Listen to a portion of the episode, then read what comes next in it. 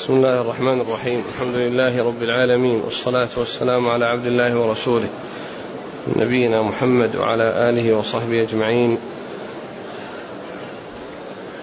أما بعد قال الحافظ ابن حجر رحمه الله تعالى في كتابه بلوغ المرام من أدلة الأحكام وعن ابن عباس وأسامة بن زيد رضي الله عنهم قال لم يزل النبي صلى الله عليه وسلم يلبي حتى رمى جمرة العقبة رواه البخاري. بسم الله الرحمن الرحيم. الحمد لله رب العالمين وصلى الله وسلم وبارك على عبده ورسوله نبينا محمد وعلى آله وأصحابه أجمعين. أما بعد فهذا الحديث يتعلق بانتهاء التلبية بالنسبة للحجاج. والتلبية تبدأ من الإحرام. فإذا أحرم الإنسان من الميقات بحج مفرد أو بقران فإنه يستمر على إحرامه يلبي إلى أن يرمي جمرة العقبة. إلى أن يرمي جمرة العقبة في يوم العيد وذلك أيضا عند الفراغ من رميها. يعني ينتهي الرمي عند الفراغ من رميها من حين الإحرام بالميقات إلى رمي جمرة العقبة. أما من كان معتمرا فإنه يبدأ يلبي من الإحرام في الميقات ويستمر إلى أن يبدأ بالطواف إلى أن يبدأ بطواف العمرة. فإذا بدأ بطواف العمرة وصل إلى الحجر وأراد أن يبدأ فإنه يقطع التلبية يقطع التلبية. لأن هذا الحديث الذي ذكره الحافظ رحمه الله يعني يدل على أن المحرم في الحج سواء كان محرما من الميقات أو محرما بالحج من مكة من أهل مكة أو من المتمتعين الذين أهل أحلوا الذين حلوا بعدما أدوا عمرتهم ثم أحرموا بالحج في اليوم الثامن.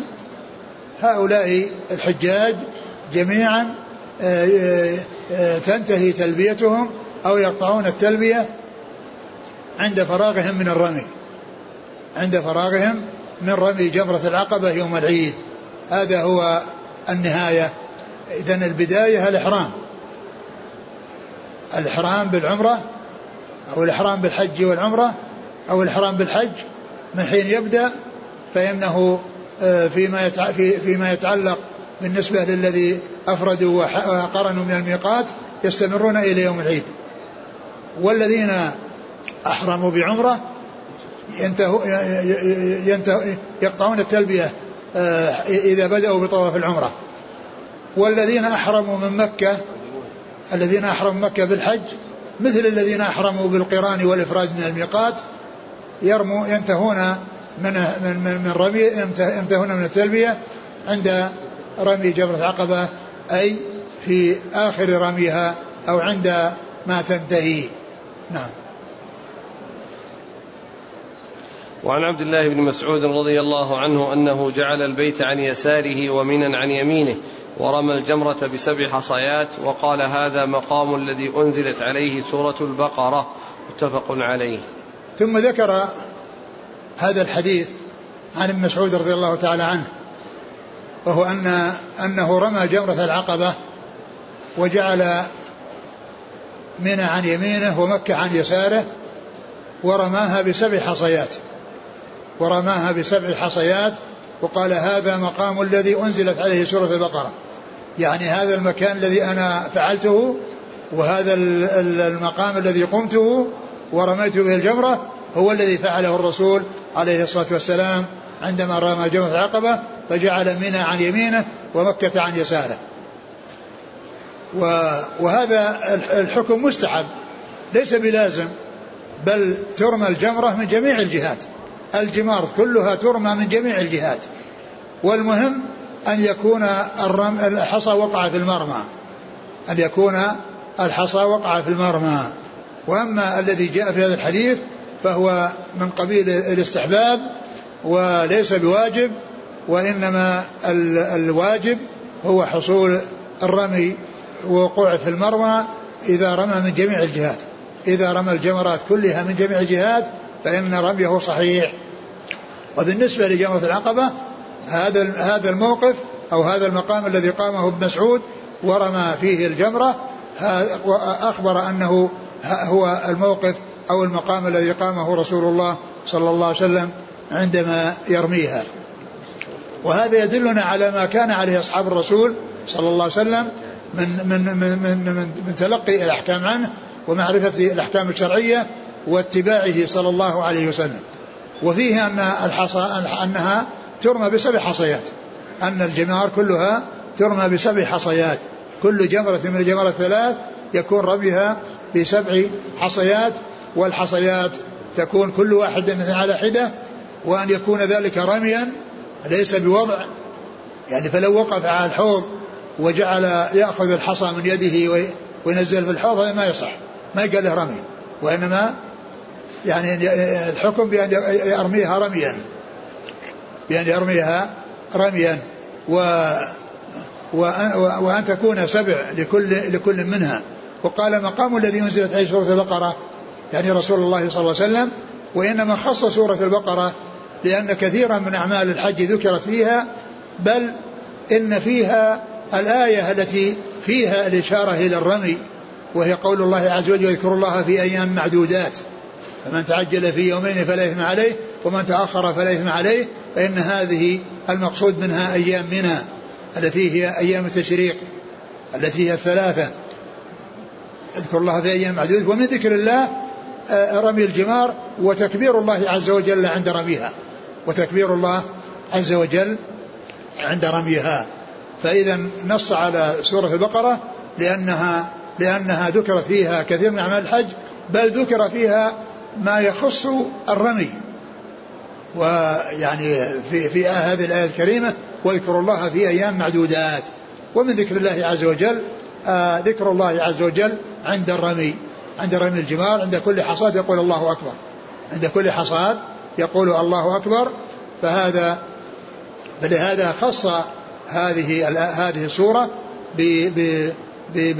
بهذا آه، آه، بالذكر لأنها ذكرت فيها أحكام الحج كثيرا وذكر فيها جاءت فيها الآية التي تتعلق برمي الجمار.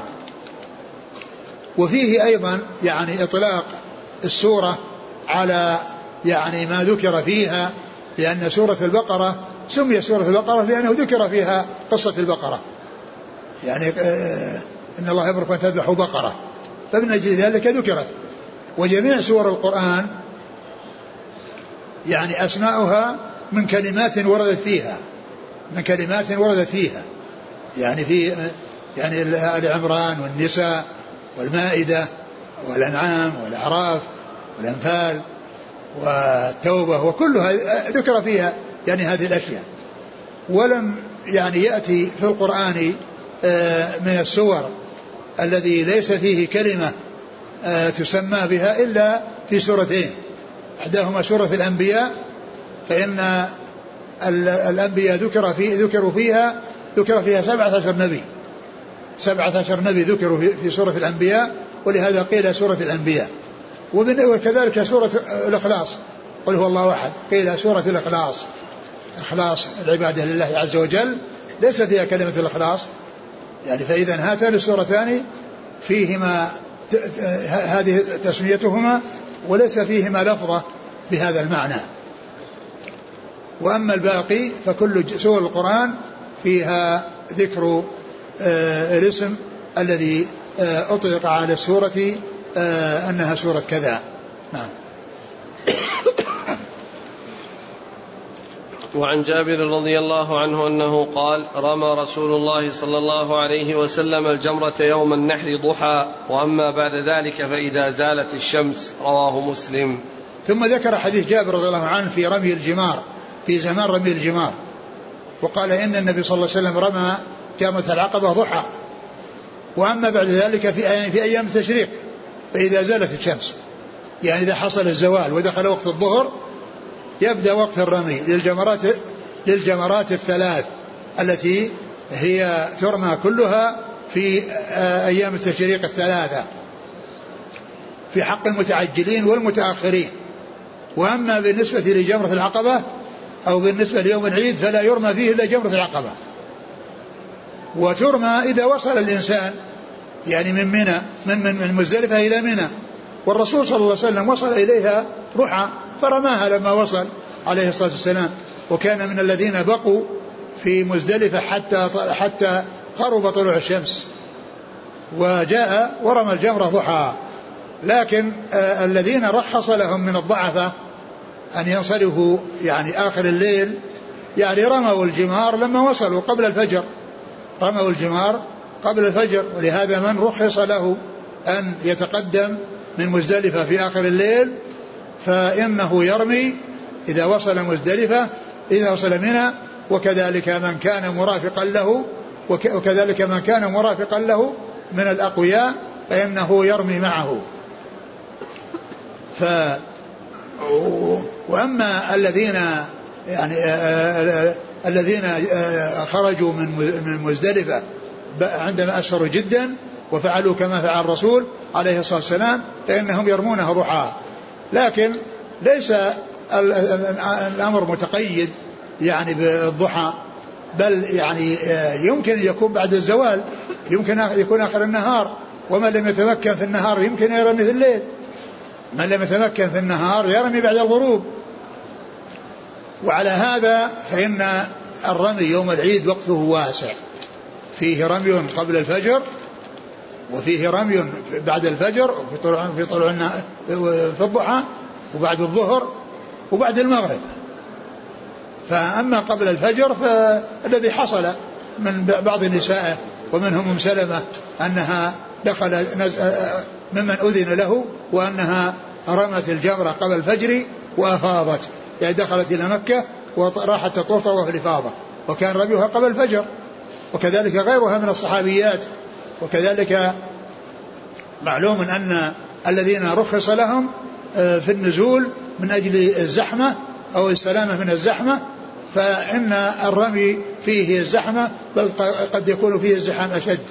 ولهذا للذين يتقدمون أو يرخص لهم أن ينزلوا أن يرموا إذا وصلوا منى إذا كان ذلك يعني بعد نصف الليل. أما قبل نصف الليل فلا يجوز رمي ولو وجد رمي قبل نصف الليل فإنه لا, لا قيمة له ولا عبرة به فلا يطاف طواف الإفاضة قبل نصف الليل ولا ترمى جبرة العقبة قبل نصف الليل وإنما بعد نصف الليل يصح الرمي. إذا وجد فإذا الرمي واسع في يعني في آخر الليل وكذلك بعد في الضحى وكذلك بعد الزوال لأن الرسول عليه الصلاة والسلام لما خطب الناس سأله رجل وقال يا رسول الله رميت بعدما أمسيت. رميت بعدما أمسيت. والمساء يدخل في الزوال. فقال لا حرج. بل إن ابن عمر رضي الله تعالى عنهما كانت زوجته صفية بنت أبي عبيد بقيت في مزدلفة مع امرأة تنفسها لأنها ولدت ولم تصل إلى منى إلا بعد الغروب. يعني راح يوم العيد كلهم وهم, وهم لم, لم تصل إلى إلى منى وإنما وصل بعد الغروب فأمرهن أن يرمين بعد الغروب. فأمرهن أن يرمين بعد الغروب وهذا يعني هذا ثابت عن ابن عمر في موطأ الإمام في موطأ الإمام مالك. أما ما يتعلق برمي الجمرات الثلاث فقال جابر رضي الله عنه وأما بعد ذلك فإذا زالت الشمس. يعني إذا إذا حصل الزوال الحادي عشر والثاني عشر والثالث عشر يعني يبدأ الزوال. والرسول صلى الله عليه وسلم كان يرمي في اليوم الحادي عشر والثاني عشر بعد الزوال ثم يذهب ويصلي في الناس في مسجد الخير. وأما في اليوم الثالث عشر فإنه ارتحل من منزله و وجاء الجبرة الجبرات بعد الزوال فرماهن واستمر في سيره إلى الأبطح وصلى فيه الظهر وصلى فيه الظهر فالرسول عليه الصلاة والسلام فعل هذا في ثلاث أيام حتى في اليوم الأخير اللي فيه التأخر لم يرمي إلا بعد الزوال. ولهذا يدلنا على أن الرمي لا يصح قبل الزوال وأنه لا يجوز أن يحصل الرمي قبل الزوال. وجاء عن ابن عمر أنهم قال أنهم كانوا يتحينون الزوال فإذا زالت الشمس رموا الجمرة يتحينون ينتظرون ينتظرون الزوال يعني معنى هذا أن السنة ثابتة عن رسول الله صلى الله عليه وسلم من قوله وكذلك من من من من, من, من عن أصحابه أنها تكون أنها تكون بعد الزوال. ولا يجوز أن يكون الرمي آه، قبل الزوال لليوم الذي يرمى فيه. أما ما يتعلق باليوم السابق فإن الإنسان إذا لم يحصل له الرمي قبل الغروب يرمي في الليل ويسوغ له أن يرمي في الليل عن اليوم الماضي لكن لا يرمى عن اليوم الآتي. لا يرمى عن اليوم الآتي إلا بعد الزوال. نعم. وعن ابن عمر رضي الله عنهما أنه كان يرمي الجمرة الدنيا بسبع حصيات. يكبر على إثر كل حصاه ثم يتقدم ثم يسهل فيقوم فيستقبل القبلة فيقوم طويلا ويدعو ويرفع يديه ثم يرمي الوسطى ثم يأخذ ذات الشمال فيسهل ويقوم مستقبل القبلة ثم يدعو فيرفع يديه ويقوم طويلا ثم يرمي جمرة ذات العقبة من بطن الوادي ولا يقف عندها ثم ينصرف فيقول هكذا رأيت رسول الله صلى الله عليه وسلم يفعله رواه البخاري. ثم ذكر هذا الحديث عن ابن عمر وهو أنه كان يرمي الجمرات الثلاث في أيام التشريق فيبدأ بالدنيا وهي القريبة إلى مسجد الخيف وهي التي ترمى اولا فيرميها بسبع حصيات. كما هو معلوم أن الرمي يكون لسبع لسبع حصيات. ثم إنه إذا رماها تقدم إلى جهة الأمام حتى في مكان صار في مكان سهل وبعيد عن مكان الرمي ووقف يدعو رافعا يديه. وقف يدعو رافعا يديه. ثم إنه يذهب إلى الجمره الوسطى فيفعل كما فعل في الأولى يرميها بسبع حصيات ثم يتقدم ويذهب إلى جهة اليسار ويقف يدعو رافعا يديه ثم يذهب إلى جمرة العقبة فيرميها بسبع حصيات ولا يقف عندها ولا يقف عندها. ويقول إن النبي صلى الله عليه وسلم فعل ذلك. يعني آه، فعل فعلا ابن عمر آه، اقتدى فيه بالرسول صلى الله عليه وسلم وأخبر أن هذا الفعل الذي فعله قد فعله الرسول صلى الله عليه وسلم وهو يقتدي بالرسول عليه الصلاة والسلام في هذا العمل. فهذا يدلنا على أن الجمرات أولا ترتب وأنه يلزم ترتيبها فيبدأ فيها بالأولى التي تلي مسجد الخيف ثم الوسطى ثم العقبة ولا يعكس ويقدم ويؤخر بل لابد من هذا الترتيب. يبدأ بالأولى ثم الوسطى ثم العقبة. وكل جمرة بسبع حصيات. كل جمرة بسبع حصيات. وإذا كان الإنسان قد وكل بأن يرمي لغيره فإنه إذا رمى لنفسه عند الجمرة الأولى يرمي لغيره. ولا يلزم أنه يأتي بالجمرات الثلاث عن نفسه ثم يرجع من جديد عن غيره. بل يرميها الأولى من نفسه عن نفسه ثم عن غيره. ثم يذهب الوسطى ويفعل كذلك ثم جمع العقبة كذلك. وأن يكون الرمي بسبع حصيات وأنه أيضا يقف يعني بعد ما يرمي الأولى وبعد ما يتقدم إلى جهة الوسطى ويدعو ويرفع يديه. وهذا فيه وهذا من المواضع التي جاء فيها رفع اليدين في الدعاء. وهذا من المواضع التي جاء فيها رفع اليدين بالدعاء. ثم يفعل على الوسطى يرمي الوسطى ويتقدم إلى جهة إلى جهة العقبة آخذا جهة الشمال أو اليسار ويقف يدعو رافعا يديه ثم يذهب إلى جمرة العقبة ويرميها بسبع حصيات ولا يقف عندها ولا يقف عندها. وعلل بعض العلماء أنه لا يقف عندها لضيق المكان لأن جمرة العقبة كانت في سح جبل وكانت ترمى يعني من جهة من من من, جهة نصف الدائرة التي هي يعني خارجة عن الجبل وبعد ذلك أزيل الجبل وصار المرمى نصف دائرة كما كان موجودا قبل أن يزال الجبل كما كان موجودا قبل أن يزال الجبل. لكن لا يقال أنه يقف عندها ولو كان اتسع المكان لأن ذلك لم يرد عن النبي صلى الله عليه وسلم.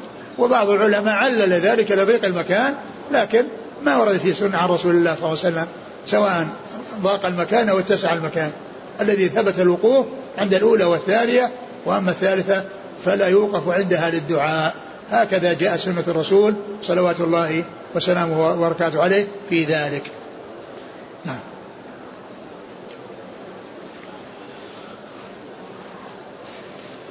وعنه أن رسول الله صلى الله عليه وسلم قال اللهم ارحم المحلقين قالوا والمقصرين يا رسول الله قال في الثالثة والمقصرين متفق عليه. ثم ذكر هذا الحديث يتعلق بالحلق والتقصير الذي يكون به التحلل الذي به يكون التحلل من الإحرام. ف فقال الرسول عليه الصلاة والسلام اللهم ارحم المعلقين قيل قالوا يا رسول الله والمقصرين. قال اللهم ارحم المحلقين قال يا رسول الله والمقصرين. قال اللهم ارحم المحلقين قال والمقصرين. قال والمقصرين.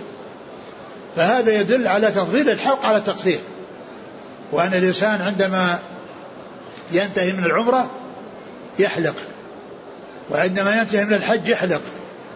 لكن إذا كان آه، تحلله من العمرة قريبا من الحج بحيث لا يأتي ينبت شعر فإنه الأولى التقصير ليبقى شعر يحلق يوم العيد.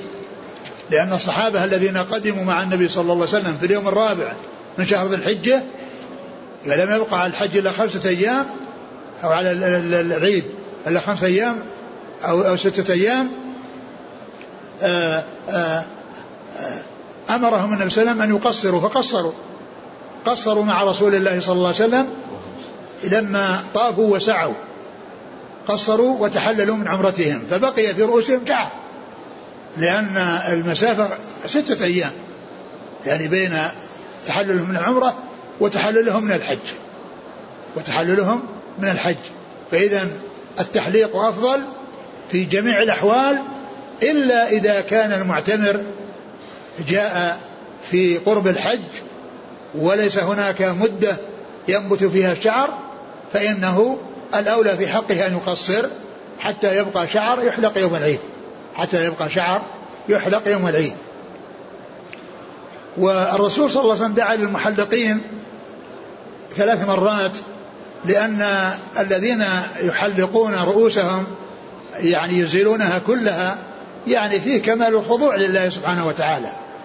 وأن الواحد منهم يترك هذا الذي يتجمل به بعض الناس ويعتبره بعض الناس زينة يعني في الرؤوس يعني ف فأولئك طابت يعني نفوسهم من إبقاء شعورهم من أجل من أجل أنها أنه قد أمر بالتحليق. فالذين حلقوا يعني أكمل من الذين قصروا لأن الذين قصروا أبقوا على شيء من الزينة. وأما الذين حلقوا ما أبقوا شيء من الزينة. كل ذلك لله عز وجل. ومن أجل ومن أجله سبحانه وتعالى. فمن أجل ذلك صار المحلقون يعني أفضل التحليق أفضل من التقصير. ثم إن قول قولهم والمقصرين هذا يسمى العطف التلقيني. العطف التلقيني يعني والمقصرين يعني مع المحلقين. فالرسول صلى الله عليه وسلم قال والمحلقين بعد الثالثة.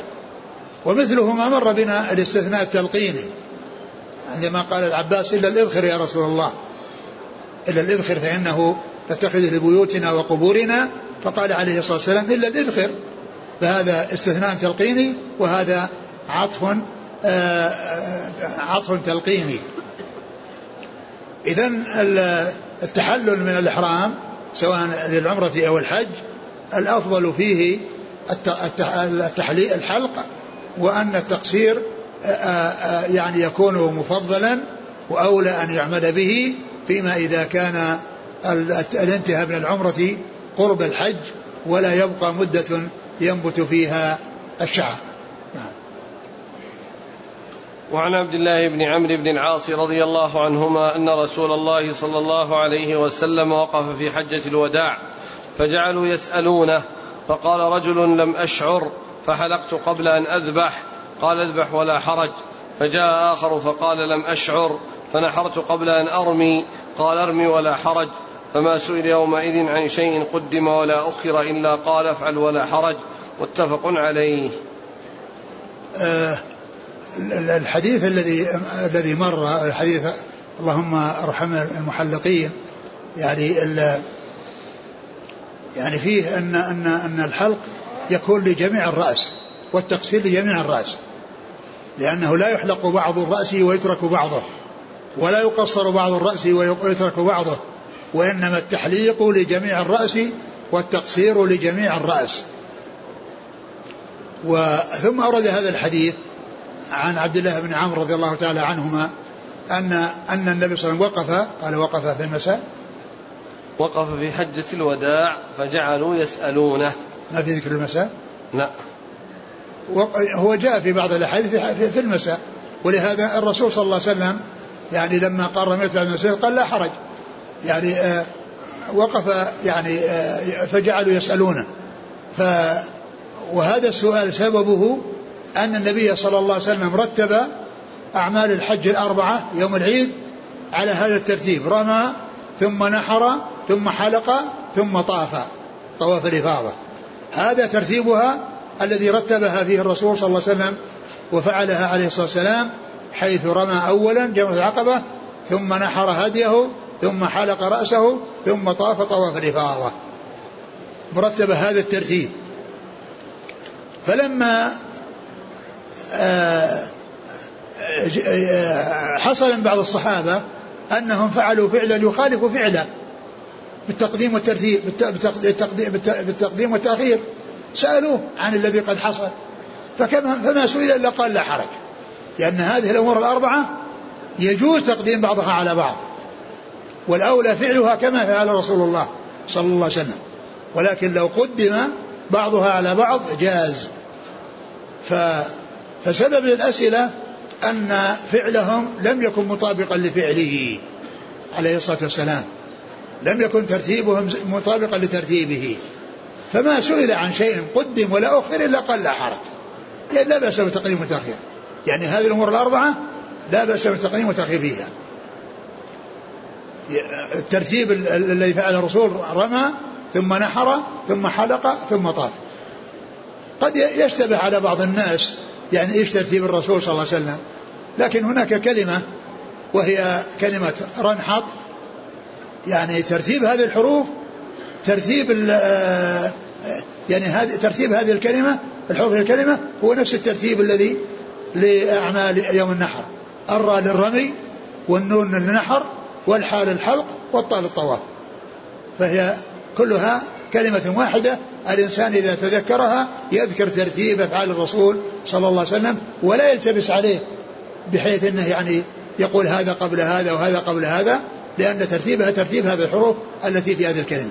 ترتيب هذه الحروف التي في هذه الكلمة. رنحط الراء للرمي والنون للنحر والحاء للحلق والطاء للطواف. يقرأ الحديث قال. وقف. وقف في حجة الوداع فجعلوا يسألونه. فقال رجل لم أشعر فحلقت قبل أن أذبح. قال لم أشعر يعني أنها أن, أن, أن, أن ما حصل منه فعل يطابق فعله صلى الله عليه وسلم. فحلقت قبل أن أذبح. حلقت قبل أن أذبح. قال اذبح ولا حرج. والذبح يكون للغنم والبقر. يكون في في في حلقها. الذبح يكون في الحلق. وأما النحر يكون في اللبة التي في أسفل العنق. عند ملتقى أي بين ملتقى العنق مع أصل اليدين. هذا يقال له اللبة. فهذا يكون فيه النحر. والنحر والإبل تنحر مع في لبتها التي هي في أسفل العنق في قرب أصل اليدين. وأما الذبح يكون في الحلق. لكن يجوز نحر ما يذبح وذبح ما ينحر. يعني يجوز أن أن تذبح الإبل مع حلقها ويجوز أن تنحر الإبل والغنم مع يعني لبتها التي هي عند عند أصل لكن الأصل هو أن النحر للإبل ويكون في لبتها في أسفل عنقها والحلق والذبح يكون للبقر والغنم في بين بين الرأس والرقبة بين الرأس والرقبة ويجوز نحر ما يذبح وذبح وذبح ما ينحر. هذا السائل الرسول صلى الله عليه وسلم نحر قبل أن يرمي قبل أن يحلق. وهذا حصل من حلق قبل أن يرمي أن ينحر. قال ينحر. قال اذبح ولا حرج. قال لا بأس. يعني فعلك صحيح. نعم. الثانية. وقال آخر وجاء آخر وقال لم أشعر فنحرت قبل أن أرمي. وقال وجاء آخر فقال لم أشعر نحرت قبل أن أرمي. نحرت قبل أن أرمي. قال ارمي ولا حرج. فما سئل عن شيء قدم ولا أخر إلا قال لا حرج. يعني هذه الأمور الأربعة التقديم والتأخير فيها جائز. ولهذا لو أن إنسان جاء آخر الليل آخر الليل من مزدلفة ومعه نساء يخشى أن يحضن فلا بأس أن يذهب إلى مكة رأسا ويطوف طواف الإفاضة ثم يأتي ويرمي. لأن التقديم والتأخير في هذه الأعمال الأربعة في يوم العيد كل ذلك سائغ وجائز. نعم. فما سئل فما سئل, فما سئل يومئذ عن شيء قدم ولا أخر إلا قال افعل ولا حرج. فما سئل يومئذ يعني في هذا اليوم الذي فيه الذي فيه الأمور الأربعة الذي هي أعمال يوم النحر. هذه الأعمال الأربعة التي تكون في يوم النحر هي التي ما سئل عن شيء قدم والأخر يومئذ. يعني في هذا اليوم.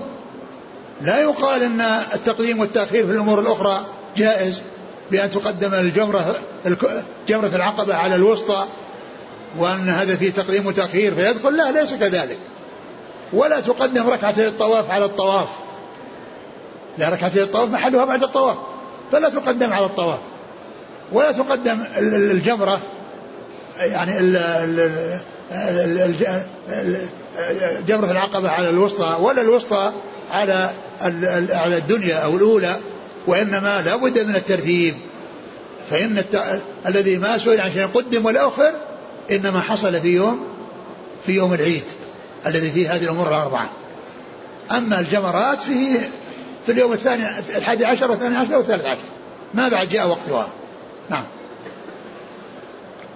وعن المسور بن مخرمة رضي الله عنهما أن رسول الله صلى الله عليه وسلم نحر قبل أن يحلق وأمر أصحابه بذلك. رواه البخاري. ثم ذكر هذا الحديث عن مسور بن مخرمة رضي الله عنه أن النبي صلى الله عليه وسلم نحر قبل أن يحلق وأمر أصحابه بذلك. هذا الحديث في في الحديبية ليس في في حجة الوداع. وإنما في الحديبية. وذلك أنه لما صده الكفار عن دخول مكة واتفق معهم وعمل معهم صلحا على أنه يرجع هذه السنة ويأتي من العام القادم يأتي للعمرة من العام القادم ف يعني عمل الصلح معهم. الرسول صلى الله عليه وسلم أمر أصحابه بأن ينحروا ويحلقوا. لأن النحر قبل الحلق. فتوقفوا ما بادروا. يعني لأنهم يحبون أن لا يرجعوا إلا وقد اعتمروا. ومؤملين أن يحصل نسخ لأن الزمن زمن الوحي وزمن التشريع فكانوا يؤملون أن ينزل وحي بأن آه، يعني يستمروا على ما هم عليه حتى يؤدي عمرتهم. وضاقت نفوسهم وتألموا من كونهم جاءوا معتمرين ثم صدهم الكفار عن البيت. فلما أبرم الصلح مع الكفار قال لأصحابه أن ينحروا ويحلقوا ينحروا ثم يحلقوا. هم توقفوا. ما طابت نفوسهم لأنهم يعني يريدون أن يتحقق الشيء الذي قدموا من أجله. والزمن زمن تشريع فأملوا أن يحصل نسخ. وأنزل وأن يحصل وحي. يعني ينسخ به هذا الذي تألموا منه. ف فدخل على أم سلمة رضي الله عنها فأشارت إليه فقالت له يا رسول الله اخرج ولا تكلم أحدا انحر هديك ثم احلق رأسك. فخرج وفعل هذا الفعل فلما فعل ذلك رسول الله بادروا إلى متابعته. بادروا إلى الحلق وإلى إلى النحر أولا وإلى الحلق ثانيا وإلى الحلق ثانيا. وهذا الحديث الذي فيه مشورة أم سلمة رضي الله تعالى عنها وأرضاها الرسول دخل عليها متألما فوجد في في نفسه في وجهه يعني التألم والتأثر فقالت أخرج وافعل كذا وكذا. فهذا يدل على فهذا دال على يعني أن أن, الرسول صلى الله عليه وسلم فعل هذا الفعل الذي تابعه عليه أصحابه. تابعه عليه أصحابه رضي الله تعالى عنهم وأرضاهم ورأوا أنه ليس هناك بد من متابعة صلى الله عليه وسلم لأن ما في مجال لنزول وحي لأن الأمر انتهى بفعله صلى الله عليه وسلم بفعله عليه الصلاة والسلام. وهذا يدل على أن المحصر يعني يحلق ينحر الهدي ثم يحلق ثم يحلق رأسه. وقال بعض الشراح البلوغ كان هذا الحديث ينبغي أن يكون في باب الإحصار ما يكون في باب صفة الحج والعمرة. باب صفة الحج. كان هذا ينبغي أن يجعل في باب الإحصار الذي هو الباب الأخير الذي بعد هذا لأنه يتعلق بالمحصر وهذا عمل محصر لأن ما كان في حجة الوداع وإنما كان في الحديبية. وفي عام الحديبية حيث أمر أصحابه أولا أن ينحروا ثم يحلقوا فتوقفوا ولم يبادروا أملا في أن ينسخ الحكم.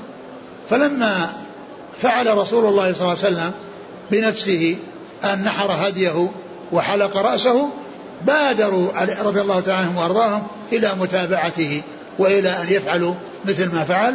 فمحل هذا كما هو معلوم هو باب الإحصار وليس صفة الحج والعمرة. نعم. وعن عائشة رضي الله عنها أنها قالت قال رسول الله صلى الله عليه وسلم إذا رميتم وحلقتم فقد حل لكم الطيب وكل شيء إلا النساء رواه أحمد وأبو داود وفي إسناده ضعف. ثم ذكر هذا الحديث يتعلق بالإحلال. يعني إذا رميتم وحلقتم فقد حل لكم كل شيء إلا النساء. يعني هذا التحلل الأول. التحلل الأول الذي يحل معه الطيب ويحل معه يعني لبس الثياب ويحل معه تغطية الرأس كل شيء إلا النساء كل شيء يحل إلا النساء. وهذا الحديث فيه ضعف من جهة أن فيه الحجاج بن أرطاة في إسناده الحجاج بن أرطاة وهو مدلس وكثير الخطأ ف يعني آآ آآ آآ لكن جاء عن عائشة رضي الله عنها وأرضاها أنها قالت كنت أطيب رسول الله صلى الله عليه وسلم لإحرامه قبل أن يحرم ولحله قبل أن يطوف بالبيت. ولحله قبل أن يطوف بالبيت. ومعلوم أن طوافه بالبيت أو آه، آه، اتجاهه إلى البيت بعدما رمى وحلق. بعدما رمى وحلق ونحر لكن النحر ما علاقة لا علاقة له بالتحلل. النحر لا علاقة له بالتحلل. الأمور الأربعة التي تفعل يوم العيد ثلاثة فيها هي التي يكون بها التحلل. وواحد لا علاقة له بالتحلل الذي هو النحر. فإذا فعل اثنين من ثلاثة اللي هي الرمي والحلق والطواف تحلل التحلل الأول الذي يحل معه كل شيء إلا النساء. والحديث الذي معنا فيه الحجاج المرطاه هو ضعيف لكن فعل عائشة وتطيبها للرسول صلى الله عليه وسلم عند ذهابه إلى مكة إنما حصل بعد الرمي والحلق. إنما حصل بعد الرمي والحلق فيكون يعني بذلك التحلل يعني بفعل اثنين من ثلاثة. بفعل اثنين من ثلاثة التي هي الرمي والحلق والطواف اللي طواف الإفاضة والسعي بعده لمن كان عليه سعي. والسعي بعده لمن كان عليه سعي. أما النحر كما قلت هذا لا علاقة له بالتحلل لأن الحجاج ما كلهم ينحرون. والذي فيه التحلل الأمور الثلاثة في التحلل هي لازمة لجميع الحجاج. الحجاج كلهم يرمون جمرة العقبة وكلهم يحلقون أو يقصرون وكلهم يطوفون طواف الإفاضة. لكن ليس كلهم ينحرون لأن المفرد لا نحر لا هدي عليه. الهدي إنما هو واجب على القارن والمتمتع وأما المفرد لا هدي عليه. إذا الأمور التي يكون فيها التحلل الأول والآخر إنما هي الأمور الثلاثة والنحر لا دخل له فيها لأن الحجاز ليس كلهم ينحرون لكن كلهم يرمون وكلهم يحلقون وكلهم يطوفون. ولهذا لو أن إنسانا رمى الجمرة وحلق رأسه وطاف طواف الإفاضة وسعى له أن يجامع أهله في يوم العيد في يوم العيد لأنه التحلل الكامل حصل. ولو لم ينحر إلا في اليوم الثالث عشر. النحر ما لا علاقة بالتحلل. يعني حتى لو لم ينحر إلا في اليوم الثالث عشر فإنه إذا فعل الأمور الثلاثة حل له كل شيء حتى النساء وإن لم وإن لم ينحر. لأن النحر لا علاقة له بالتحلل. وجاء في حديث أن أن أنه إذا رميتم جمرة العقبة فقد حللتم. إذا رميتم الجمرة فقد حللتم. وهذا قال به بعض بعض, بعض العلماء. وجاء فيه بعض الأحاديث إلا أن فيها إشكال من ناحية أنه أنها أن الرسول صلى الله عليه وسلم أنها رمى الجمرة وأنها طيبته عائشة عندما أراد أن يذهب إلى مكة. وهذا لا يدل على أن أن أن أن, أن هذا حصل بعد الرمي مباشرة وقبل الحلق.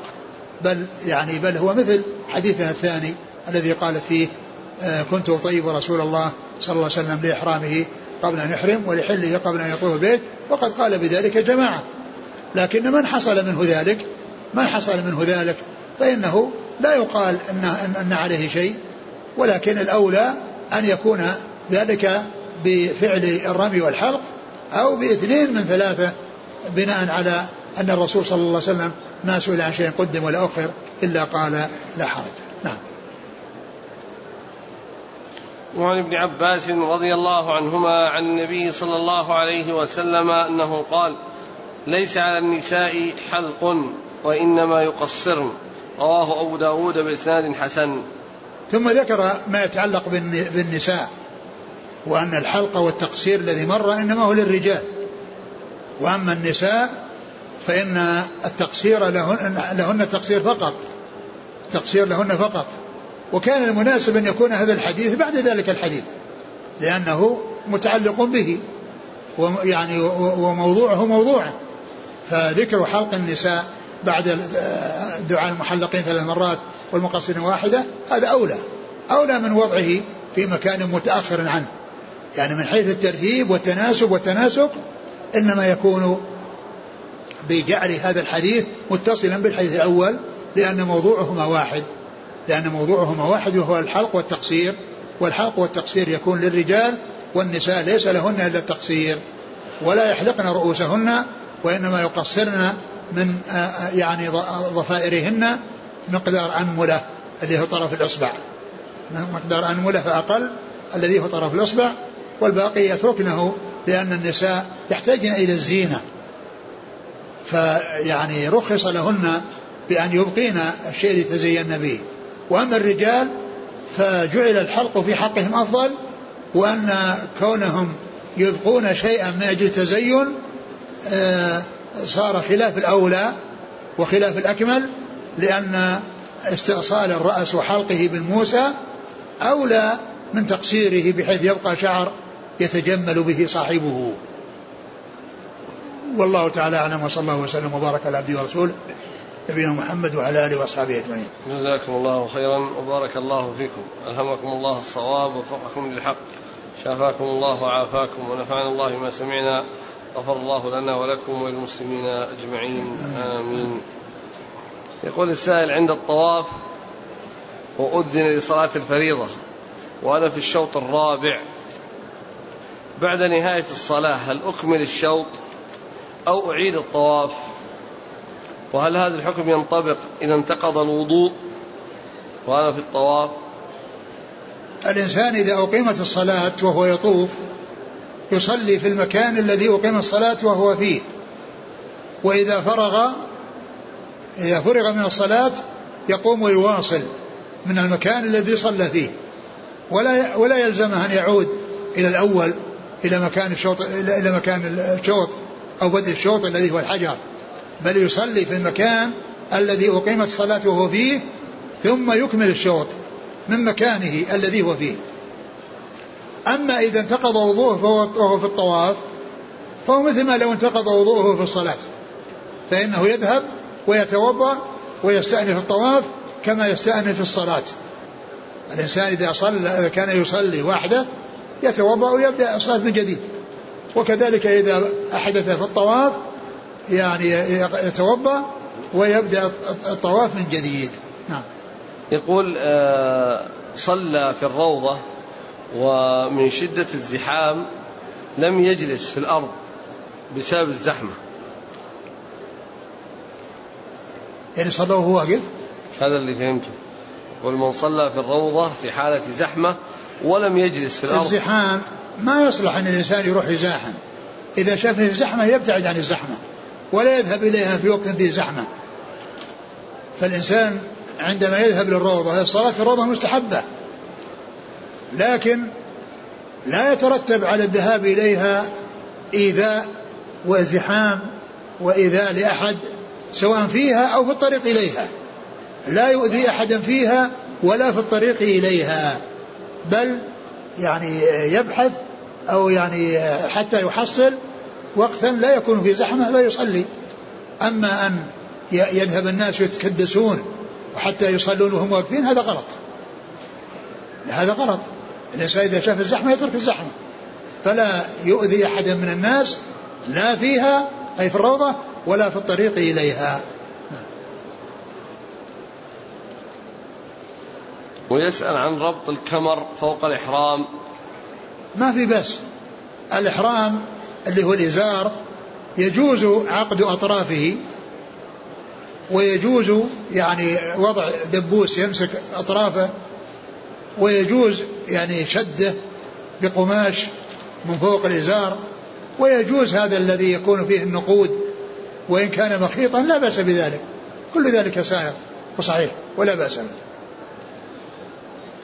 يقول في أوروبا صلاة العشاء في الساعة الثانية عشر ليلا والفجر في الساعة ثلاثة.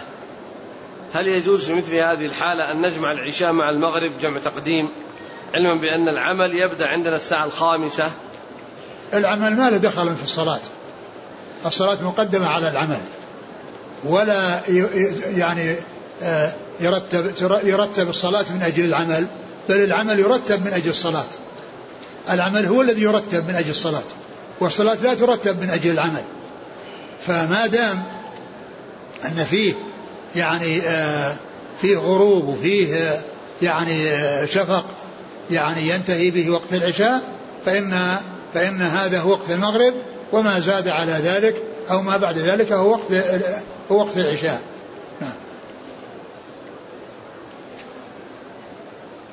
هل يصح لمن يطوف أو يسعى أن يقرأ الدعاء من كتاب؟ يصح. يجوز لكن الكتاب الذي يقرأ ينبغي أن يكون سليما وأن يكون الدعاء يعني آه ليس في محاذير لأن هناك كتب فيها يعني أدعية وفيها توزيع الأدعية. الشوط الأول له كذا والشوط الثاني كذا الشوط الثالث كذا والرابع كذا هذا كله لا أصل له. بل الإنسان في طوافه وسعيه يقرأ القرآن ويذكر الله عز وجل ويسأله ويرجوه وإذا كانت الأسئلة أو الدعاء والذكر بأمور واردة عن الرسول صلى الله عليه وسلم فإن هذا هو الذي هو الذي ينبغي الإنسان أن يفعله أن يكون قراءته من أدعية سواء من من من, من القرآن أو من السنة. وبالمناسبة في كتاب اسمه تفسير الناسك بأحكام المناسك مشتمل على أدعية كثيرة من كتاب الله عز وجل وسنة رسوله صلى الله عليه وسلم آه يعني يأتي بها الإنسان في عرفة وفي مزدلفة وفي الطواف وفي آه السعي وفي أي مكان وهو يوجد عند أبواب المسجد يوزع بالمجان. ممكن كل واحد يريد أن يحصل عليه يأتي للمحلات التي فيها الدعاة التي عند باب المسجد أو خارج باب المسجد ويأخذ منهم وهو مشتمل على الأدعية التي أدعية من كتاب الله وأدعية ثابتة في سنة رسول الله صلى الله عليه وسلم. السؤال الثاني يقول الصلاة داخل المسجد النبوي وخارجه هل لها الثواب واحد؟ الصلاة في مسجد الرسول صلى الله عليه وسلم خير من ألف صلاة. فيما سواه من المساجد إلا المسجد الحرام. والصلاة سواء كانت في داخل المسجد المبني أو في ال ال في الساحات التي تحيط بها الأسوار والأبواب. فإن كل ما كان داخل الأسوار والأبواب داخل في المسجد سواء كان مغطى أو مكشوفا. سواء كان مغطى أو مكشوفا. فالصلاة فيه آه، بألف صلاة في داخل المسجد الذي هو مبني وكذلك في الساحات التي تحيط به لكن لا يصلي قدام الإمام. لا يصلي أمام الإمام وإنما يكون وراء الإمام. إذا صلى من جهة اليمين والشمال والخلف وكان داخل الأسوار يعتبر في المسجد والصلاة فيه بألف صلاة. والرسول عليه الصلاة والسلام هو الذي بنى مسجده عليه الصلاة والسلام وقد زيد فيه من جهة الأمام هذه الزيادة التي تبلغ يمكن ستة صفوف أو سبعة صفوف وهذا الذي زادها عمر وعثمان رضي الله تعالى عنهما خليفتان راشدان. ومن المعلوم أن أن الإمام يصلي في الزيادة والصفوف التي الستة أو السبعة التي خير الصفوف تكون في الزيادة. فهذا يدلنا على أن الزيادة لا حكم المزيد وأنه ليس الحكم مقصورا على مسجده صلى الله عليه وسلم الذي كان في زمانه عليه الصلاة والسلام لأنه صغير جدا.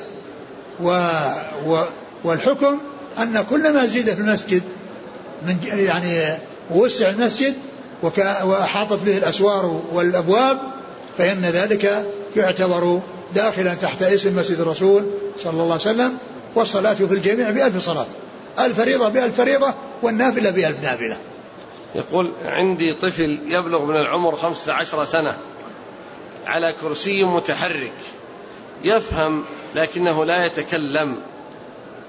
صام عن سن في السنة الثالثة عشرة من عمره لكنه لا يصلي. ماذا يجب علي أن أفعل معه؟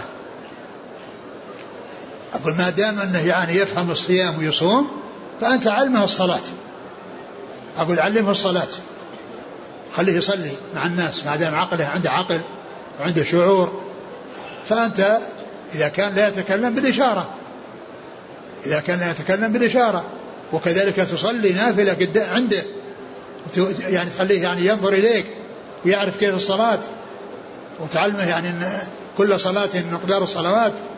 لأنه إذا عرف هيئتك في الركوع والسجود يعني في الركوع والسجود تخبره بالصلوات وأن هذه أربع وهذه ثلاث وهذه ثنتين وتصلي تصلي عنده وتريه فما دام أنه يعني يعني يصوم ويفهم الصيام فكذلك أفهم الصلاة والصلاة أعظم من الصيام وأهم من الصيام.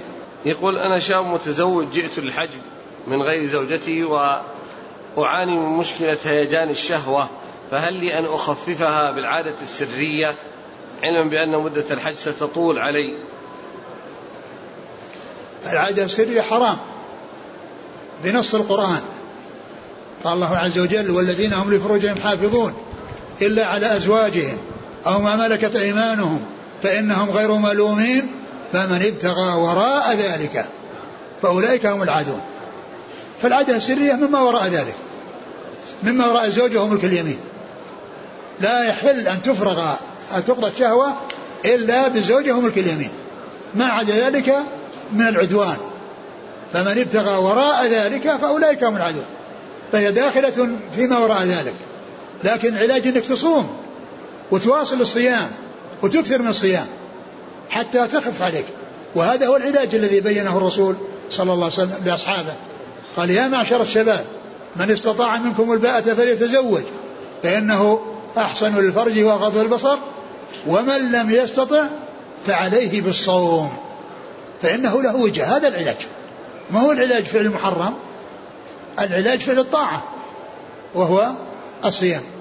يقول على القول بأن الفراغ من التلبية يكون مع آخر جمرة ترمى في العقبة. هل معنى ذلك أنه يكبر ويلبي مع كل حصاة نعم نعم يكبر يعني في هذه الأثناء ما هو مع كل حصاة يعني وإنما ينقطع عند آخر حصاة لكن يمكن يقول يعني الله أكبر لبيك اللهم لبيك الله أكبر لبيك اللهم لبيك. يعني يعني ليس بلازم أن يكون مع كل حصاد وإنما المقصود أن هذا الوقت يعني منهم من يقول أن التلبية تنتهي عند البدء. إذا إذا أراد أن يبدأ بالرمي خلاص ما في تلبية. وبعضهم يقول إنها عند آخر حصاد. وقد صح جاء في حديث صحيح. يعني يدل على هذا. المسألة السابقة التي تتعلق بالعادة السرية الآية فيها أيضا موضع آخر يدل على يعني ذم هذا الفعل وذلك أنه قال غير ملومين. على أزواجهم الأيمان فإنهم غير ملومين. يعني معناها الذي ما يكون على في هذا الطريق ملوم. فملوم ومعتدي. يعني فيه هو ملوم ومعتدي. لأن قال غير ملومين يعني الذين يكون على أزواجهم وملك أيمانهم يعني معناه غير ذلك يكون ملوم.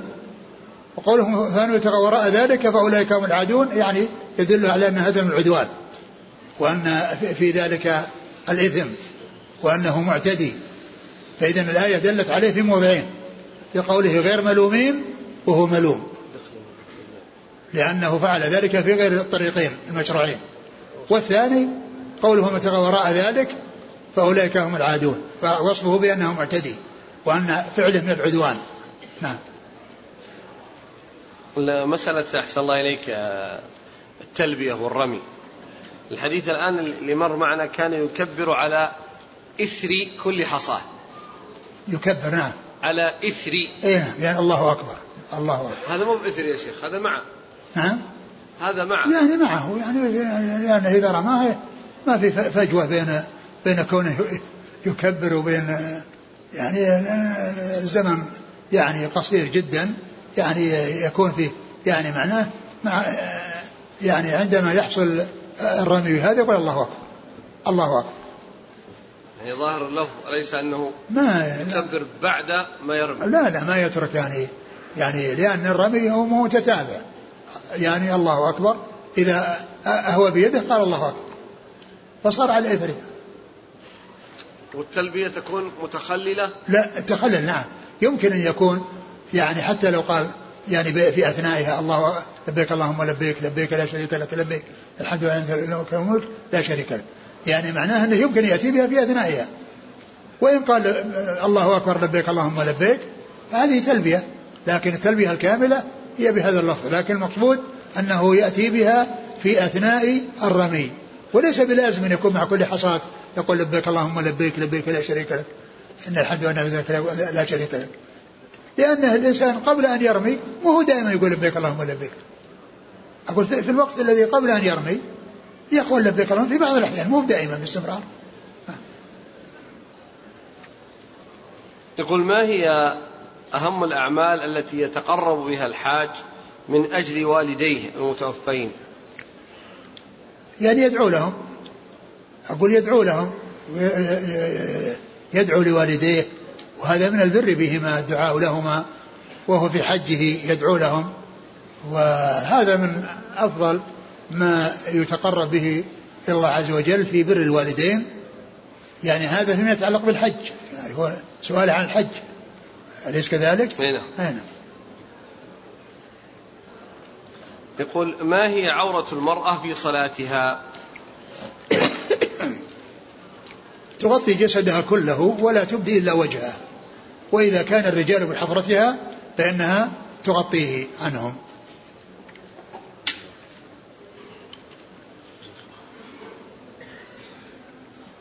هل يجب على الحاج أن يوكل شخصا في بلده لكي يذبح أضحية العيد عنه وعن زوجته؟ مع أن زوجته ماكثة في بلدها. يعني موجودة في نفس البلد اللي فيه ضحى هكذا؟ على كل سواء سواء كان في بلده أو في غير بلده.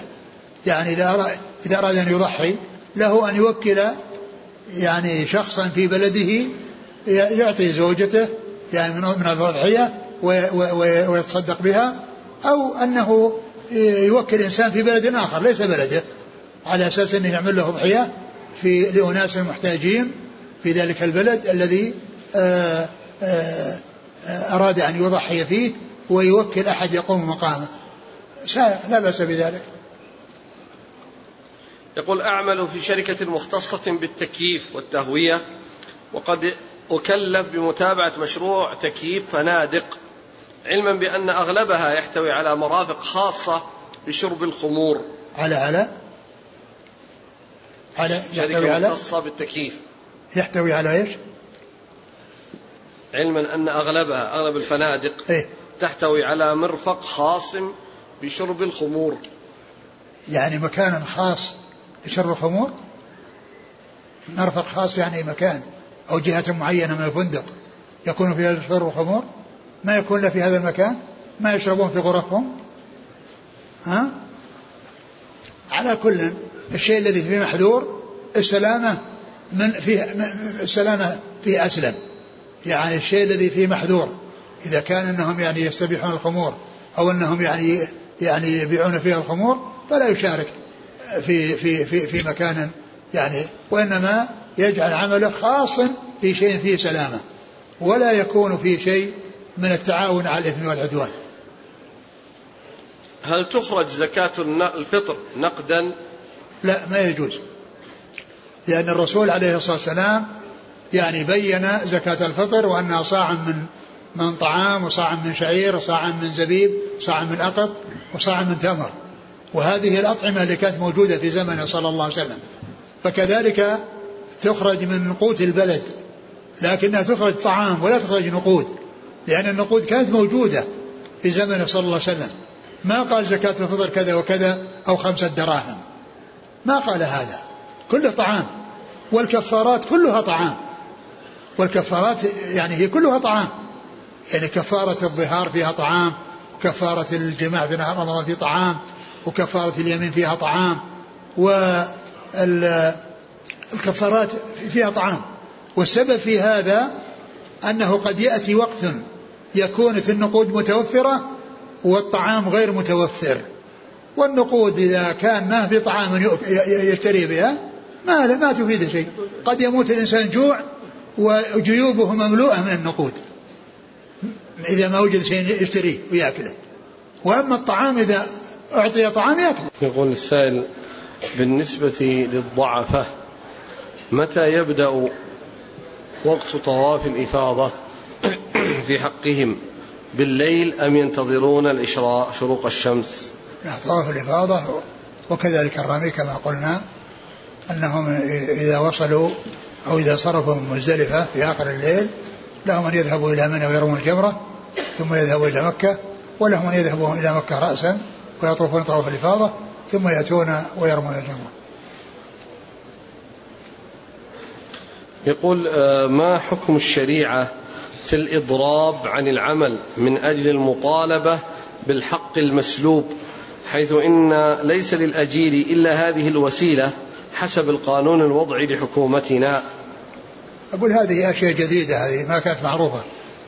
يعني فيما مضى الإنسان أولا يسأل الله عز وجل أن يفرج عنه وأن يصرف عنه السوء ويجتهد في, في, في, الأسباب المشروعة الذي يكون يطلب من المسؤولين أو من غير المسؤولين أن يتوسط عند المسؤولين. هذا هو الطريق الصحيح الذي ينبغي أن يسلكه الإنسان. وبعض الناس يغفلون عن الدعاء ولا يلتفتون إليه. وهو من من أعظم الأسباب التي فيها السلامة. يقول آه، آه، إذا طلق الرجل زوجته وهي حائض هل يقع الطلاق؟ هذه فيها خلاف بين أهل العلم وتسأل الجهات الإفتاء في هذا. وسؤاله الثاني يقول إذا أرادت الزوجة الخلع فهل يقع الطلاق مع أن الزوج لا يريد أن يطلقها؟ إذا حصل إذا حصل الخلع وليس معه طلاق ما يعتبر طلاق لكنه يعني ملكت نفسها به ملكت نفسها به. ولو أراد أن يتزوجها أو يعود إليها فإنه لا يعتبر طلاقا إلا إذا حصل طلاق مع خلع. السؤال الثالث يقول إذا قال لزوجته إذا ذهبت إلى بيت الفل... إلى البيت الفلاني فأنت طالق فهل يقع؟ تسأل الجهات التي في هذا عن مسائل الطلاق. شوف لنا مسائل الحج. هل يجوز للحاج أن يصنع وليمة إذا رجع إلى بلده؟ ما ينبغي التكلف ولا نعلم لهذا أساسا وقد يكون يعني هذا العمل معناه أن أن صنع لهم وبعدين يعني يدعونه ليصنعوا له. يعني مثل ما صنع لنفسه ودعاهم أيضا يدعونه. لكن لو أن أحدا دعاه بدون ما يكون هو المتسبب في ذلك بأن يعني يصنع الطعام ويحضر الناس ثم جاءوا يدعونه لو دعاه أحد وأجابه لا بأس. وأما قضية كونه يفعل هذا الفعل ما, ما, ما ينبغي أن يفعل هذا لأنه من التكلف ولأنه قد يجعل بعض الناس يتجهون إلى أن يدعوه ويتكلفوا له. إذا كانت علي صلوات لم أؤديها في وقتها وسهوت عنها فهل صلاتي في الحرم المدني أو المكي تغطي تلك الصلوات المفروضة؟ الصلوات المفروضة لا يجوز أن يتركها الإنسان إلا بسبب النوم أو النسيان.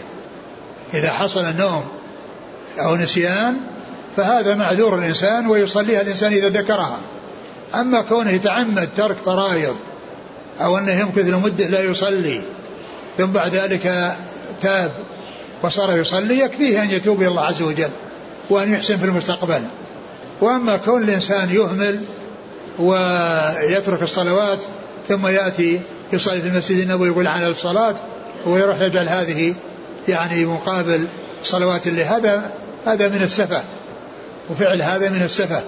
وإنما العمل الصحيح أن الإنسان إذا كان مفرطا في الماضي يتوب إلى الله عز وجل ويحسن في المستقبل. هل صلاة النافلة والتطوع تحسب بألف درجة في الحرم المدني؟ أنا قلت هذا قبل قليل. قلت الصلاة الفريضة بألف فريضة والنافلة بألف نافلة لأن الحديث الذي ورد مطلق. قال عليه الصلاة والسلام صلاة في مسجدي هذا خير من ألف صلاة. فكلمة صلاة هذا لفظ مطلق. يشمل الفرض ويشمل النفل. وعليه هل يقال أن الجمعة بألف جمعة؟ يمكن. يمكن أن يقال لأنها صلاة جمعة بألف صلاة جمعة. يقول زوجتي تملك ذهبا قيمته عشرة آلاف يورو فهل أخرج عنه الزكاة كل عام أو مرة واحدة في العمر؟ هي التي تخرج عنه. هي صاحب المال هو الذي يخرج عنه. وإذا يعني أذنت لك بأن تخرج وأن تتولى ذلك يمكن وإلا فإن ذلك واجب عليها وفي كل سنة. إذا يعني النصاب إذا بلغ الذهب نصابا وحال عليه الحول يزكى كل سنة.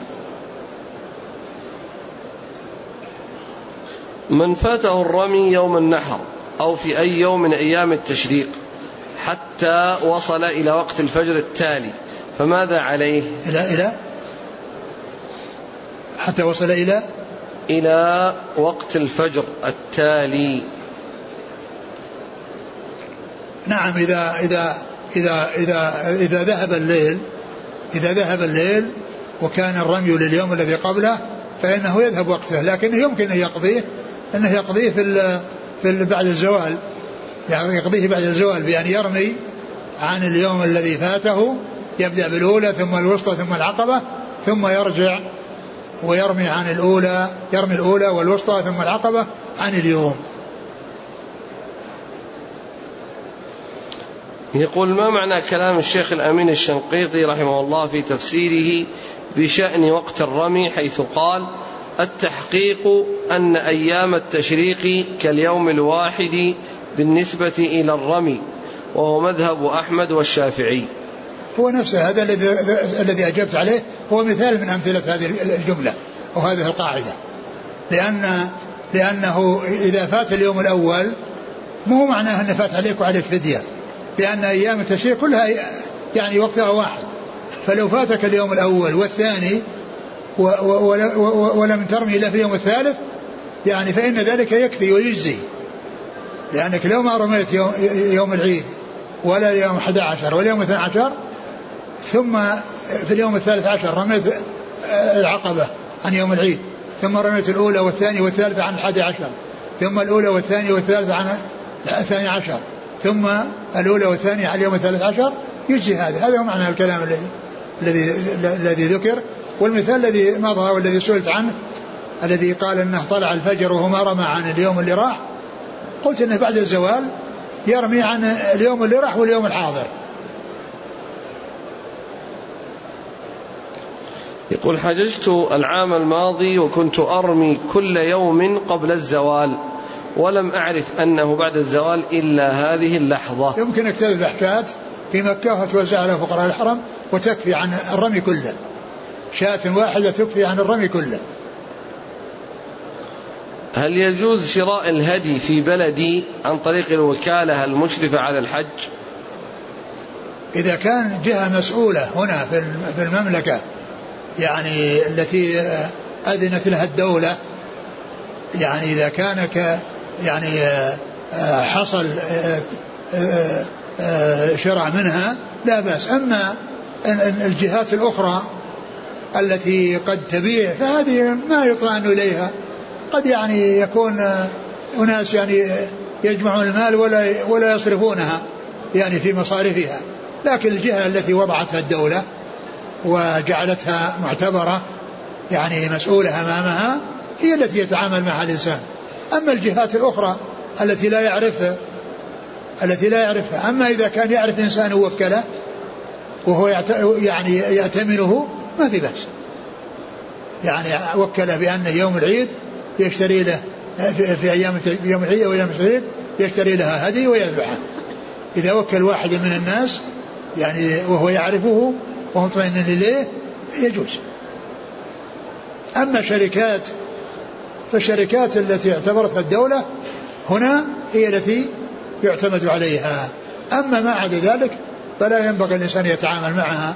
قد يأخذ قد يأخذون فلوسه ولا يذبحون له. يقول هل يجوز أن أحضر الحجارة لرمي الجمرات من بلدي؟ لماذا؟ إيش ما في ما في منى حصى ولا في يعني في مكة حصى؟ هذا تكلف ذا يعني أنا ما أعلم يعني شيء يمنعه لأنه حصى. لكن ما ينبغي الإنسان أن يتكلف يجمع الحصن يجيبه من بلده. لو جاء لو أتى به رمى صح يصح. ما لكن ما مثل مثل هذا العمل ما ينبغي. ولا نعلم له أساس لكن الحصى يؤخذ من مكة ومن منى ومن أي مكان. سواء لقطته بنفسك أو لقطه له غيرك أو أنك اشتريته وجدته يباع. لا بأس.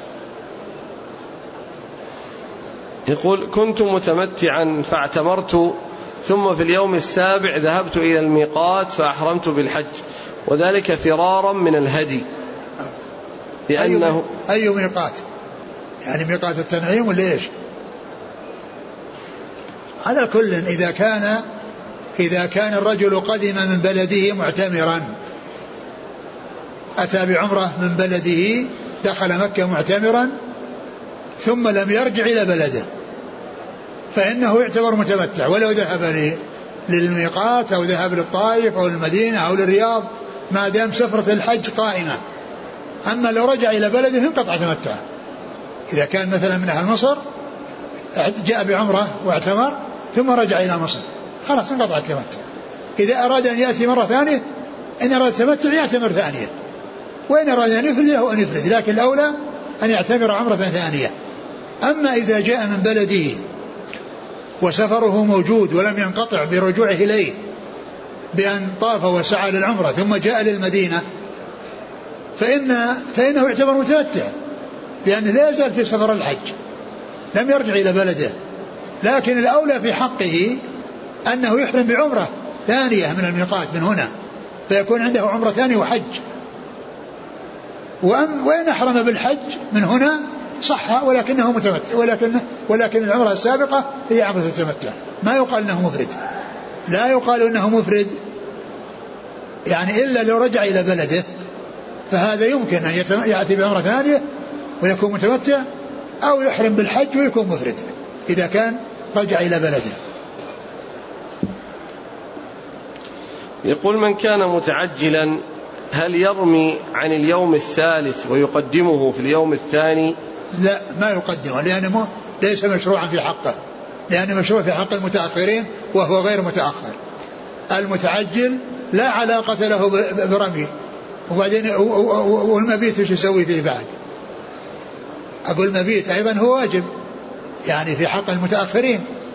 من غربت عليه الشمس عليه يعني يبيت.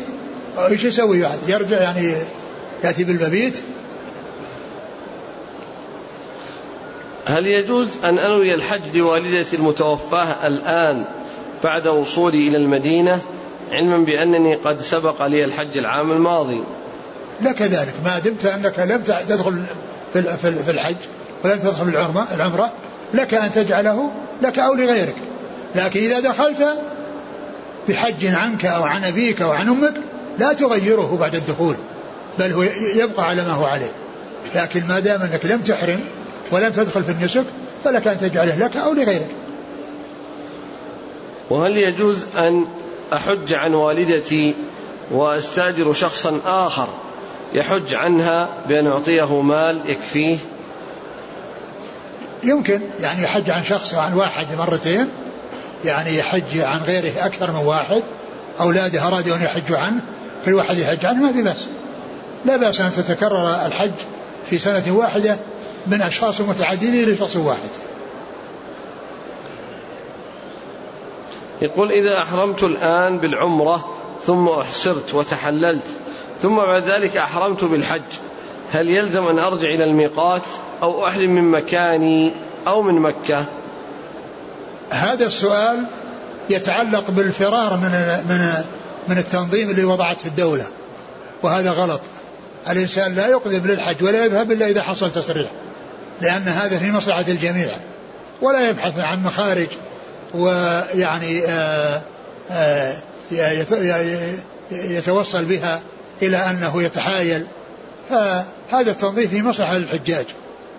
فترك الفرصة لهم هذا هو الذي ينبغي الإنسان أن يفعله. يقول من لم يكن معه هدي وأحصر هل يكتفي بالحلق؟ لا ما يكتفي بالحلق. عليه أن يذبح هديا وذبح الهدي قبل الحلق. هل يجوز لبس الذهب للمرأة المحرمة؟ كالخاتم وغيره. نعم يجوز لكنها تخفيه أقول تخفيه لا يظهر. إذا كان في أصابعها خواتم فإنها تخفيها. ولو أنها يعني خلعتها حتى لا تظهر يدها وفيها الزينة لا شك أنها أولى. لكن يجوز إذا كانت أنها يعني الخواتم مخفية لا تظهر للناس. وهل يجوز للمرأة أن تصلي على الجنازة؟ إذا نعم. كانت المرأة في الحرم تصلي على الجنازة لا بأس. تصلي على الجنازة سواء كانت في الحرم أو غير الحرم حتى لو توفي أحد أولادها وصلت عليه في البيت قبل أن يأتوا به لا بأس. وعائشة رضي الله عنها صلت على سعد بن أبي وقاص وحدها أرادت أن يأتوا من عند حجرتها وصلت عليه. يقول من أحرم بحج أو عمرة هل يجوز له أن يحل من حجه أو عمرته من غير أن يكمل استدلالا بحل بفعل النبي صلى الله عليه وسلم في عمرة الحديبية؟ عمرة الحديبية ما ما ما في مجال لإكمالها لأن الرسول عليه الصلاة والسلام يعني يحصر وأبرم العقد مع الكفار على الصلح على أنه يحج يعتمر من السنة الآتية. أما من دخل في نسك فعليه أن يتمه ما دام أنه قادر على إتمامه. كقول الله عز وجل وأتموا الحج والعمرة لله. الإنسان إذا دخل في نسك ولو تطوع يجب عليه إتمامه. قبل أن يدخل هو في, في, في, في سعة. لكن بعد دخوله ولو كان تطوعا فعليه أن يتمه إلا أن يحال بينه وبين إتمام أما كونه يعني من تلقاء نفسه يعني يدخل في النسك كما يشاء ويخرج كما يشاء هذا غير صحيح. الحج والعمرة الدخول فيهما ملزم لإتمامهما ولو كان نفلا بخلاف الصيام. أنت إذا صمت النفل لك أن تفطر لك أن تفطر إذا هناك أمر يقتضي الإفطار. لكن الحج والعمرة ليس مجال ليس هناك مجال لتركهما إلا لعدم القدرة على ذلك. هل الرمي يكون بأي نوع من أنواع الحصى؟ كل ما يقال له حصى يرمى به لكن بالمقدار الذي ورد به السنة وهو يعني فوق الحمص يعني قليلا يعني هذا هو مقدار الحصى. لا يكون قليل صغير جدا ولا كبير أكثر من ذلك لأن النبي صلى الله عليه وسلم أخذ الحصيات التي لقطهن ابن عباس له وهي سبع حصيات يوم العيد وكانت مثل حصى الخذ الذي يرمى في الأصابع فجعل يقلبهن ويقول بمثل هذا فرموا وإياكم والغلو فإنما أهلك من كان قبلكم الغلو. المهم أن يكون حصى. وكمان سواء كان هذا الحصى يعني ملقوط أو مكسر كسر من حصى لكن المهم أن يكون حصى. فلا يرمى بقطع اسفلت أو بزجاج أو بعظم أو بغير ذلك من القطع الأخرى لما قال حصى. من كان أصلعا فهل لا بد أن يمر الموس على رأسه؟ إن كان فيه شعر يسير يعني يمكن أن يزيله الموس يزيله. وإن كان أنه يعني أصلع ما في شعر أبدا. ما في شعر ما يمر الموس عليه. مثل لو إنسان ليس مقطوعة يده ما, ما في مكان يوضيه. أقول ما في مكان يوضيه حتى يوضيه. فالأقطع الذي قطعت يده يعني من فوق المرفق يبقى من شيء ما عنده شيء يتوضا به. ما عنده شيء يوضيه هذا ما عنده شيء يحلق لكن كان هناك شيء ولو كان يسيرا ولو كان خفيفا نعم يزيله. أما إن كان ليس فيه شيء أصلا فلا يحتاج إلى إزالة إجراء الموسى على شيء ما في شحن هل يفسد حج من باشر زوجته ولكن لم يجامعها وماذا عليه؟ المباشرة ما يفسد بها الجماع. ما يفسد يفسد بها الحج. الجماع الحج يفسد بال بال بالجماع. هذا هو الذي يفسد بها الحج. وأما تلك ما في ما فيها فساد. لكنه يعني يلزمه فدية. والفدية اختلف فيها العلماء. منهم من قال شاة ومنهم من قال أن, أن منهم من قال بدنة. والأقرب أنها بدنة. لأن هذا عمل عظيم وعمل خطير. كونه يقدم عليه حج ما فسد لكن عليه هذه الفدية. ما حكم من لم يبدأ لم يبدأ بالطواف من الحجر الأسود؟ إذا بدأ في مكان وانتهى في المكان الذي بدأ منه فإنه يعتبر الشوط الأخير غير كامل. لأن الأول كامل لأنه مشى أولا في محل ليس في طواف ثم وصل الحجر الأسود وبدأ يطوف. فإن وقف عند المكان الذي بدأ به يصير باقي عليه شوط. ناقص شوط أو بعض شوط. لكن إذا كان بدأ قبله وبعد ذلك استمر فإن المعتبر ما كان عند الحجر. فإذا استمر إلى الحجر خلاص يصير طاف سبعة أشواط من الحجر إلى الحجر ويكون ذلك الذي آه هذا لا يؤثر. أما إن وقف في الشوط الأخير عند المكان الذي بدأ منه فإنه باقي عليه شوط. هل يجوز تقديم السعي على الطواف؟ الأصل أن لا يقدم بل يقدم الطواف على السعي. لكن لو أن إنسان حصل منه أنه سعى قبل أن يطوف يصح. بالنسبة للقارن هل يلبي من الميقات إلى أن يبدأ بالطواف طواف القدوم؟ ثم يسكت حتى ينتهي من الطواف والسعي ثم يبدأ من جديد التلبية. لا أبدا. القارن يستمر بالتلبية إلى أن يرمي جمرة العقبة والمفرد يستمر بالتلبية حتى يرمي جمرة العقبة. من صلى في مسجد قباء يوم السبت هل يكون قد أصاب السنة؟ نعم يوم السبت يعني هو يعني هو الأقرب لأن النبي صلى الله عليه وسلم كان يقوم في مسجده يوم الجمعة ويذهب إلى قباء يوم السبت ويذهب إلى قباء يوم السبت ويصلي في ركعتين. وبعض أهل العلم يقول إن المقصود بالسبت الأسبوع أن النبي كان يذهب إليه كل سبت يعني كل أسبوع لأن الأسبوع يقال له سبت ويقال له جمعة. وقد ورد في الحديث أن النبي صلى الله عليه وسلم كان يخطب الناس يوم الجمعة وأستسقى استمر أسبوع. قال الراوي فما رأينا فما رأينا الشمس سبتا. يعني أسبوعا. لكن لا شك أن يوم السبت بالذات يعني هو الذي يلي الجمعة والرسول صلى الله عليه وسلم كان يعني يذهب يعني آه، يوم الجمعة ثم يذهب يوم السبت. لا شك أن هذا أولى. ولكن الأمر في ذلك واسع.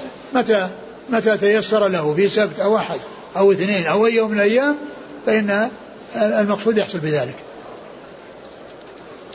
يقول هل يجوز في حج البدل أن يكون متمتعا فيجعل العمرة له والحج للشخص الميت؟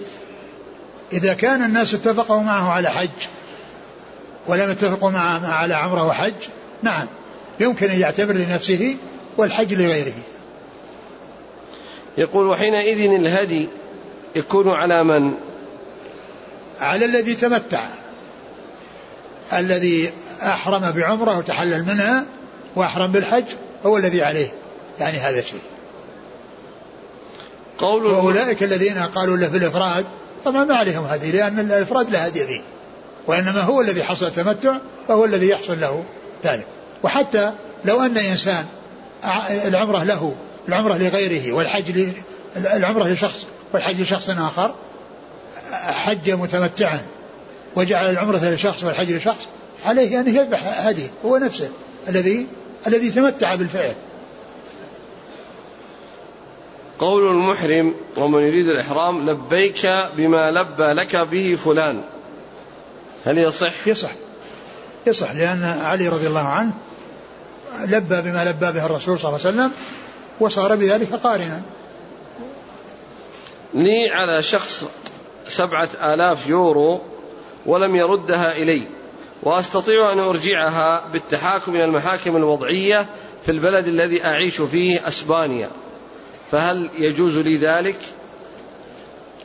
الذي ينبغي لك أنك تحصل على مالك دون الترافع إلى المحاكم الغير الشرعية المحاكم القانونية.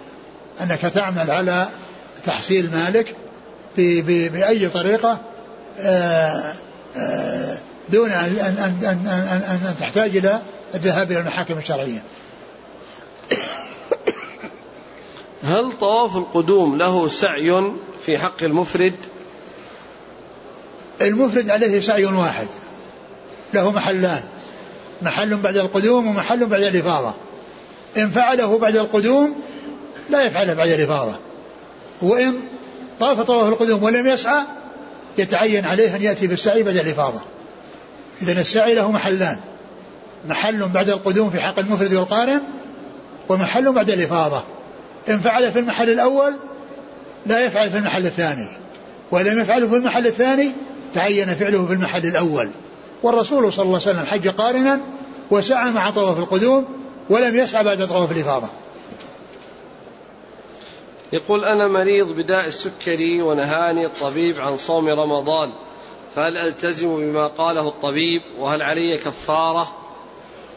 إذا كان صيامك رمضان أنه يؤثر عليك وعلى صحتك ويؤدي إلى آه، آه، آه، تضاعف الأضرار عليك وإذا كان هذا معناه أن في رمضان أنه في الصيف وأن النهار طويل وأنك إذا فعلته في الشتاء نعم يمكن أنك تترك في نفس الوقت.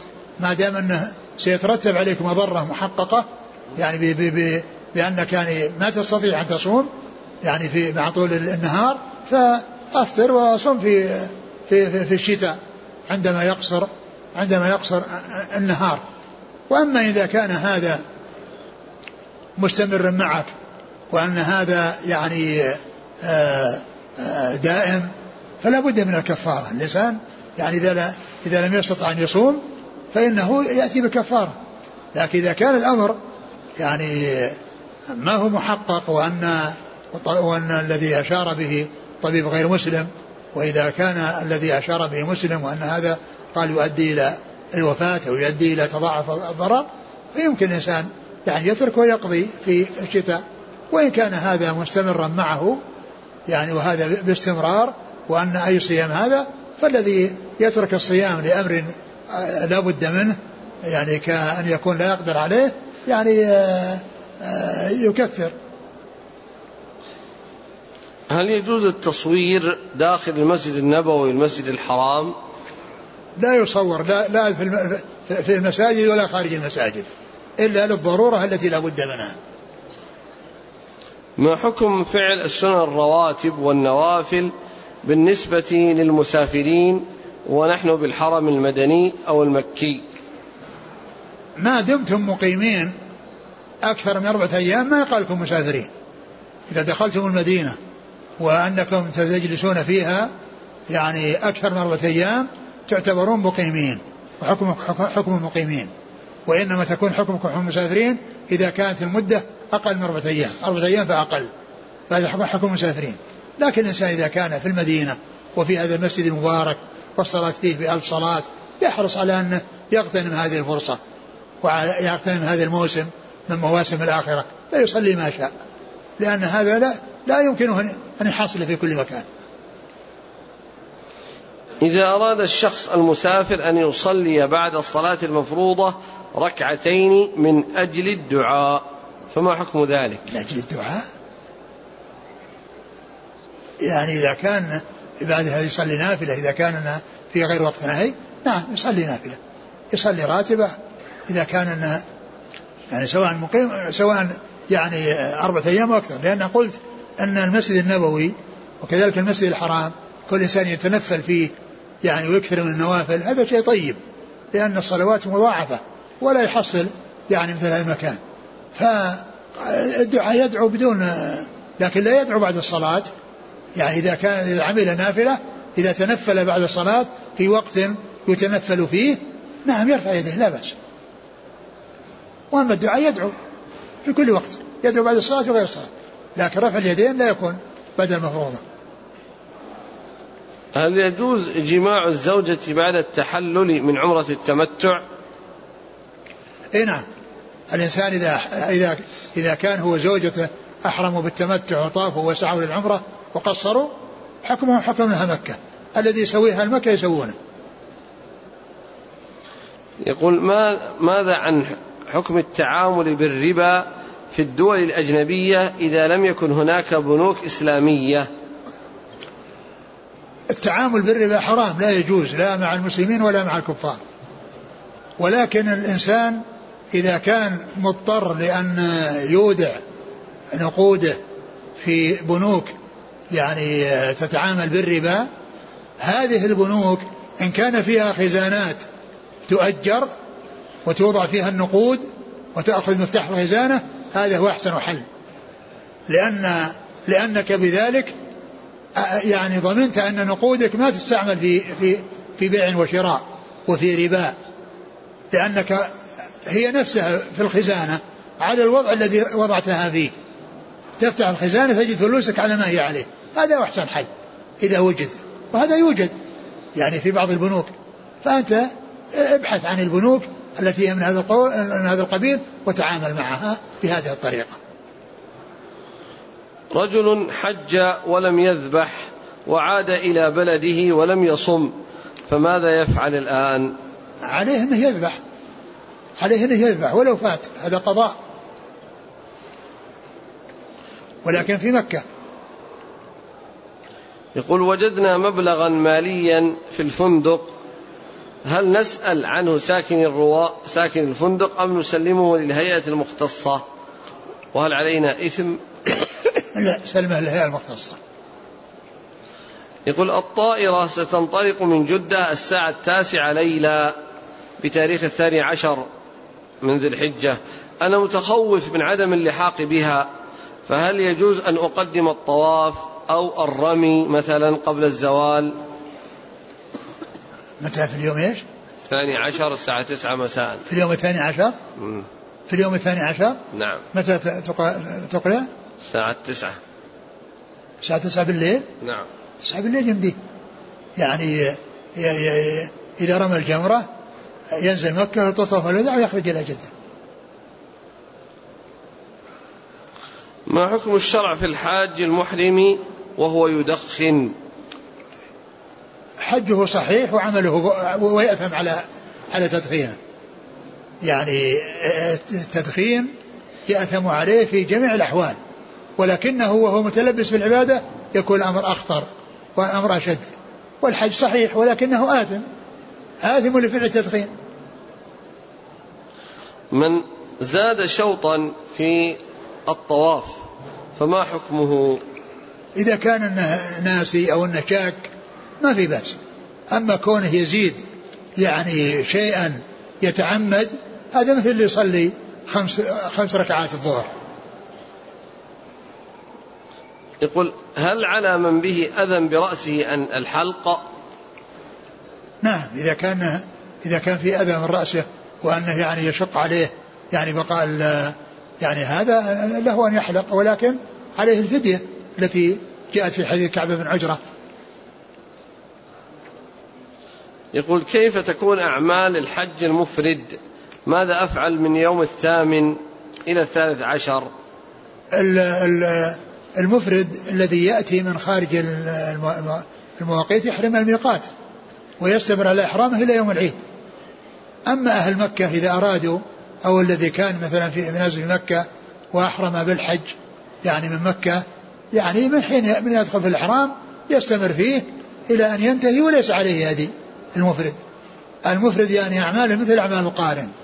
كل أعمال القارن له من طواف وسعي وكل شيء إلا أن الفرق بينهما أنه عند الإحرام هذا ينوي حج عمرة وهذا ينوي حجا فقط والمتمتع القارن عليه هدي والمفرد لا هدي عليه. يقول وصى حاج زائر يقول وصاني شخص أن أبلغ السلام إلى رسول الله صلى الله عليه وسلم. فهل يبلغه ذلك أمام قبره عليه الصلاة والسلام؟ لا يبلغه أمام قبره ولا ولا ولا بعيدا من قبره. يعني في في نفس المسجد. أولا الزيارة يعني في المسجد يعني من بعيد عن القبر هذه غير صحيحة. والزيارة إنما تكون في مقابل عند القبر في مقابله. و وإذا بلغ بلغك أحد وقال لك أبلغ سلام إلى الرسول صلى الله عليه وسلم فأنت بين له الطريقة التي يصل بها السلام إلى الرسول صلى الله عليه وسلم وهي التي علم النبي صلى الله عليه وسلم إياها وهي أنه يكثر من الصلاة والسلام على رسول الله صلى الله عليه وسلم والملائكة تبلغه من أي مكان كان. وقد ورد في ذلك حديثان عن رسول الله عليه الصلاة والسلام أنه قال لا تجعلوا بيوتكم قبورا ولا تتخذوا قبري عيدا وصلوا علي فإن صلاتكم تبلغني حيث كنتم. أي وصف الملائكة. وثاني قوله عليه الصلاة والسلام إن لله ملائكة سياحين يبلغوني عن أمة السلام. والله تعالى أعلم وصلى الله وسلم وبارك على عبده ورسوله نبينا محمد وعلى آله وأصحابه أجمعين.